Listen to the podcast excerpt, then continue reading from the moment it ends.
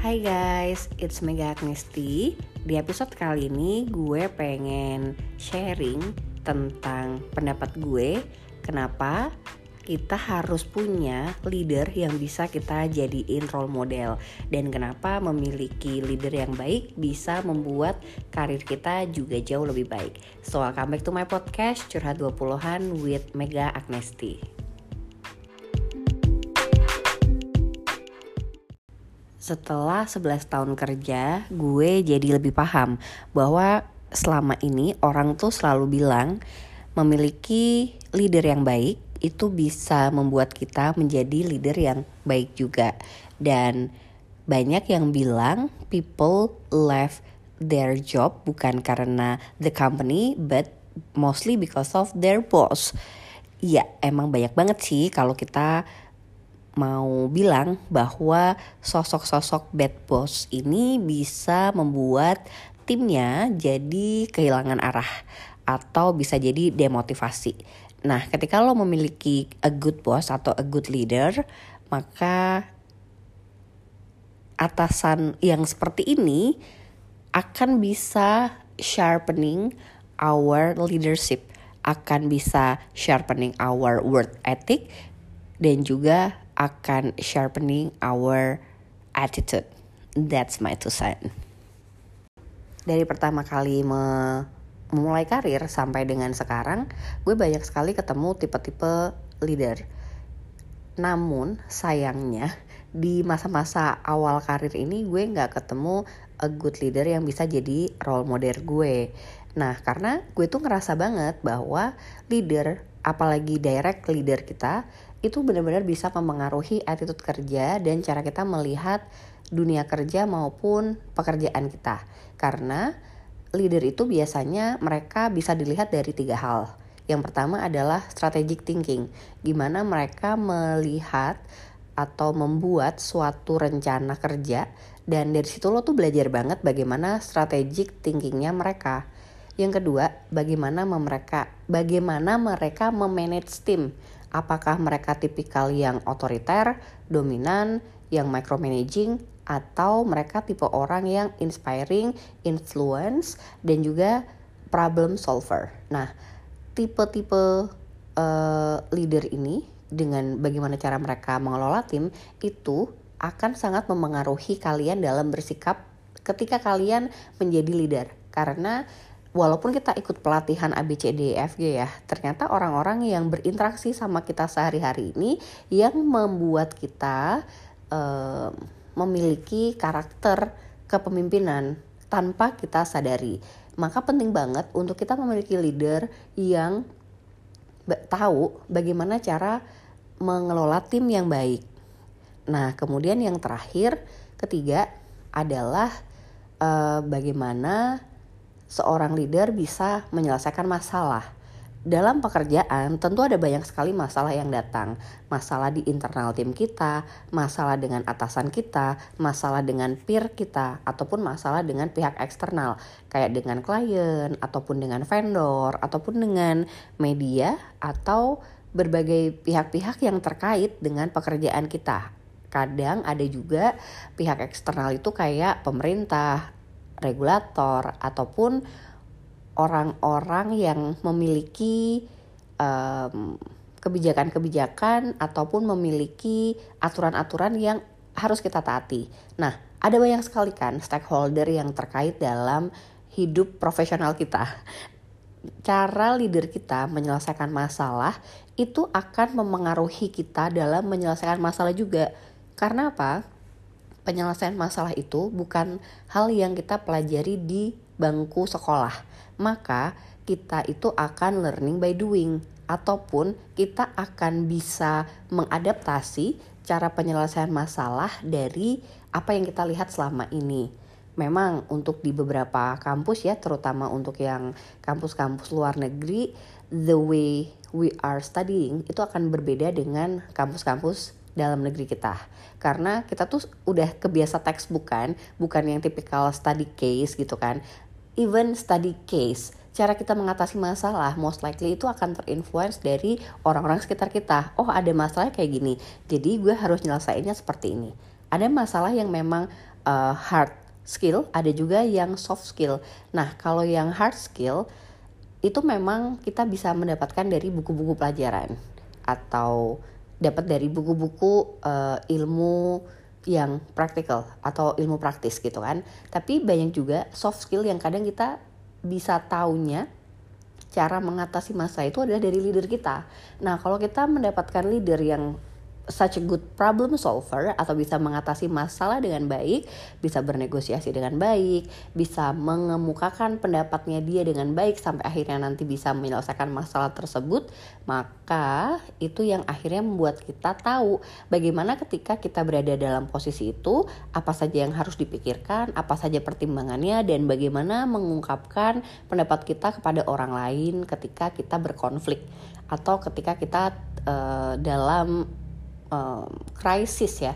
Jadi ada banyak sekali lah masalah dalam hidup ini gitu kan. Nah, salah satu cara yang bisa kita pelajari dari atasan kita adalah bagaimana cara dia mengatasi masalah.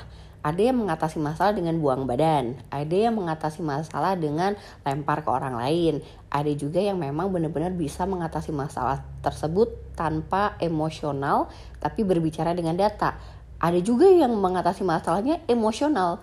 So, well, our leaders benar-benar shape us into um, into apa ya? Into better person or a worse person. Nah makanya sangat penting sekali bagi kita untuk memiliki leader yang baik.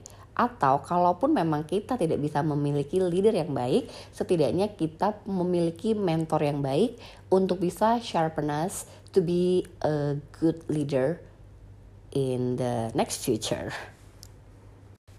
experience gue ketika memulai karir sayang sekali gue ketemu sama leader yang gak inspiring. Karena most likely gue punya leader tuh cewek ya. Dan ya seperti skeptical leader perempuan ya banyak banget yang gak profesional. Mereka mudi, mereka tidak bisa mengelola tim dengan baik, mereka dalam tanda kutip pilih kasih atau subjektif gitu. Jadi gue nggak ngerasa terinspirasi dari leader-leader awal karir gue. Nah ketika gue uh, punya leader cowok pun banyak yang walaupun cowok ya kadang kita mikir cowok tuh logik gitu. Banyak juga yang cowok tuh terlalu soft memimpinnya. Tapi gue pernah dapet juga leader cowok yang sangat um, apa ya cold hearted you know.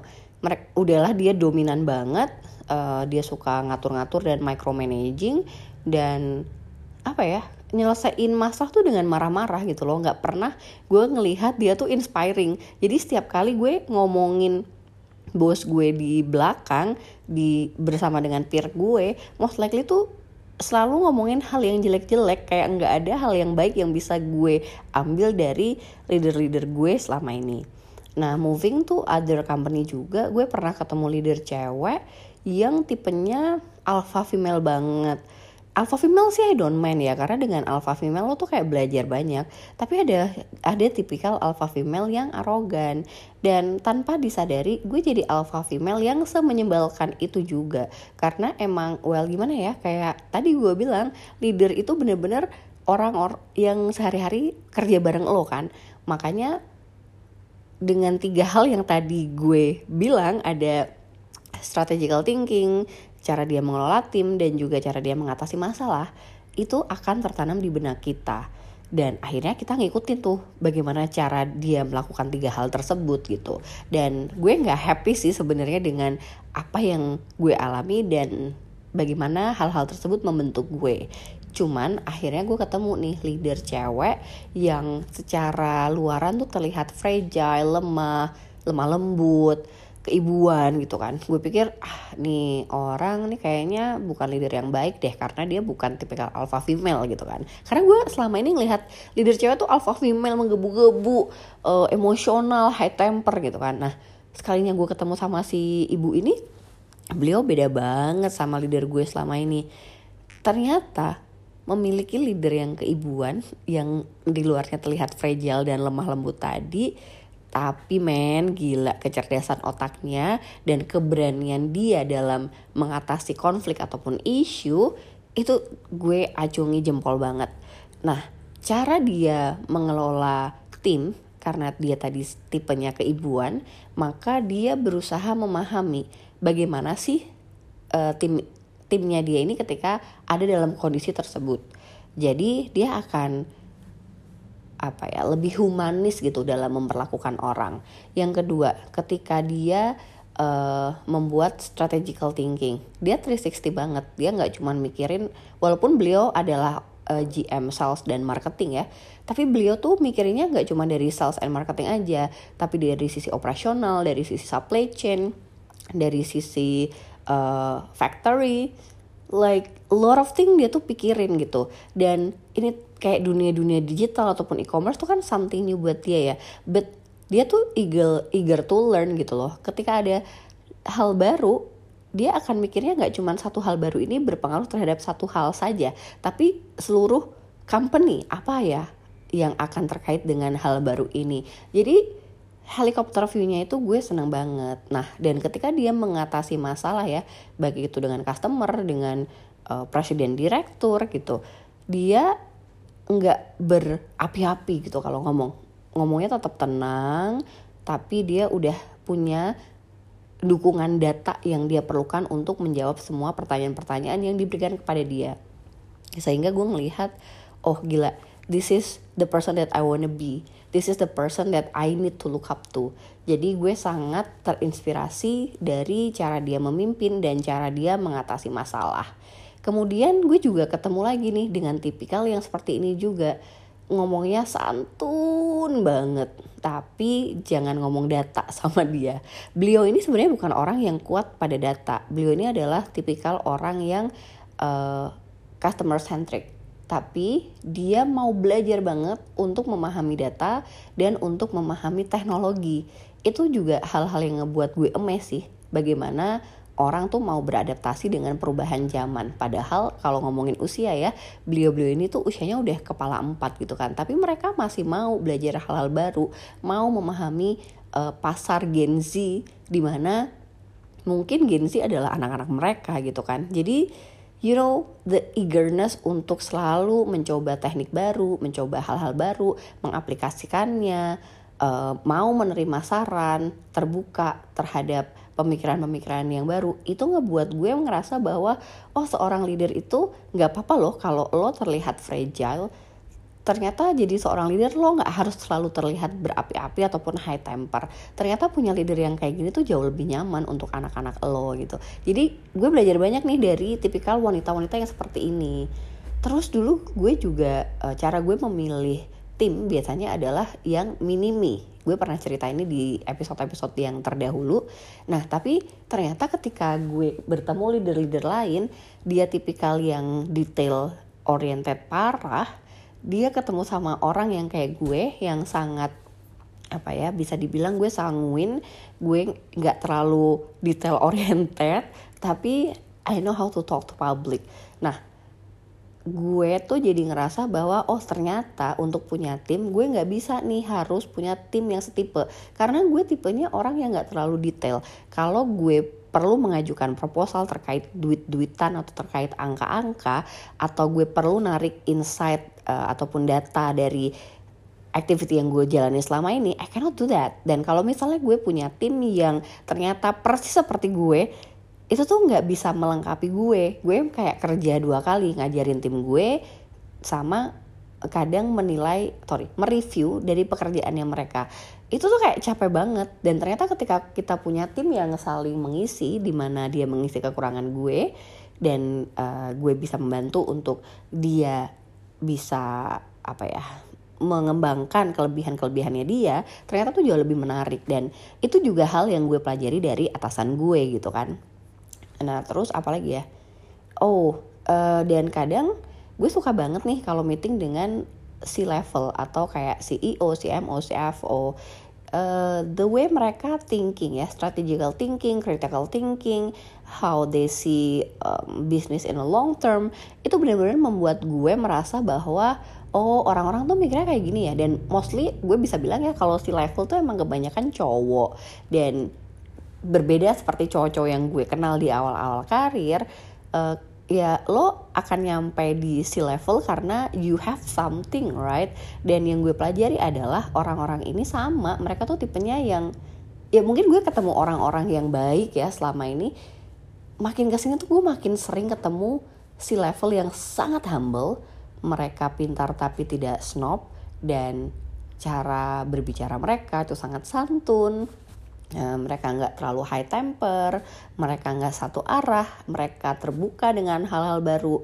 Gue pernah soalnya punya uh, si level cowok high temper, otoriter, uh, satu arah, komunikasi satu arah. Maksudnya tuh apa? Komunikasi satu arah. Mereka cuma mau kita mendengarkan mereka. They're giving order, bukannya discussion.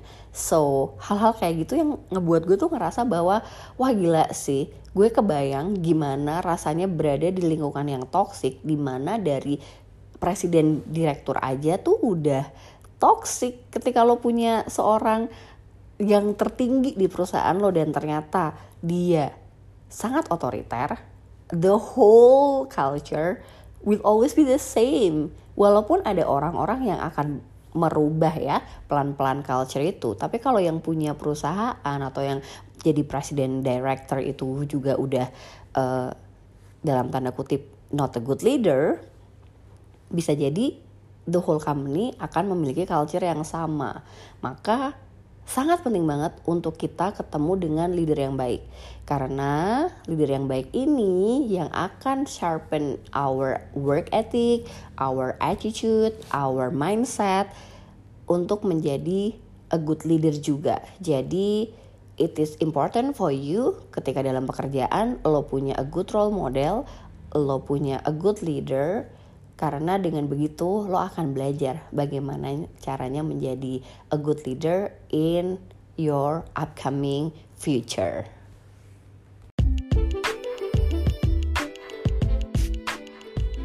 Oke, okay, segitu dulu podcast kali ini. Kenapa tiba-tiba gue kepikiran?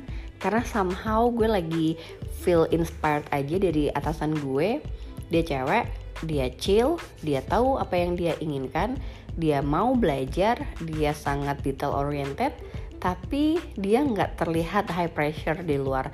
Gue baru kali ini sih ketemu orang yang bukan smart by nature tapi dia bener-bener mau belajar. Kemudian dia sebagai cewek sangat chill banget dalam menghadapi hidup ini. Dia banyak pressure tapi dia tidak pernah melampiaskan pressure itu ke timnya. Dan ini pertama kalinya gue ketemu leader yang sangat helpful. Di mana ketika lo nggak bisa dia tuh akan ngajarin gitu loh. Banyak leader yang selama ini kalau kita nggak bisa dia nggak mau ngajarin. Pokoknya nggak mau tahu gimana caranya lo bisa ngerjain itu. Dan kalaupun ngajarin ya cara ngajarin itu in general. Kalau atasan gue yang sekarang bener-bener ngarahin bener-bener step 1 sampai step terakhir itu dia ngasih penjelasan se-clear mungkin sehingga kita bisa paham gitu loh apa yang harus kita lakukan untuk menghadapi kesulitan-kesulitan tersebut. Dan emotional support pun dia sangat memilikinya ya. Walaupun most likely kalau di pekerjaan gue sekarang gue nggak terlalu banyak ngerasa uh, ada banyak pressure in emotional way gitu ya. Tapi um, kadang hal-hal kecil kayak misalnya saying eh it's a good job thank you. Hal-hal yang apresiasi kayak gitu itu kan such a emotional support ya. So gue kayak ngerasa klik banget dapet atasan seperti dia karena pada akhirnya dia yang menginspirasi gue untuk ngomong ini. Ketika gue ketemu atasan yang bener-bener bisa jadi someone that I look up to dan someone yang bener-bener helpful itu tuh sangat mempermudah pekerjaan gue. Jadi thank you so much for listening to this episode I hope episode ini bisa membantu kalian juga dalam sharpening your career maupun sharpening your work attitude Oke okay guys, sampai ketemu di episode selanjutnya. Bye bye.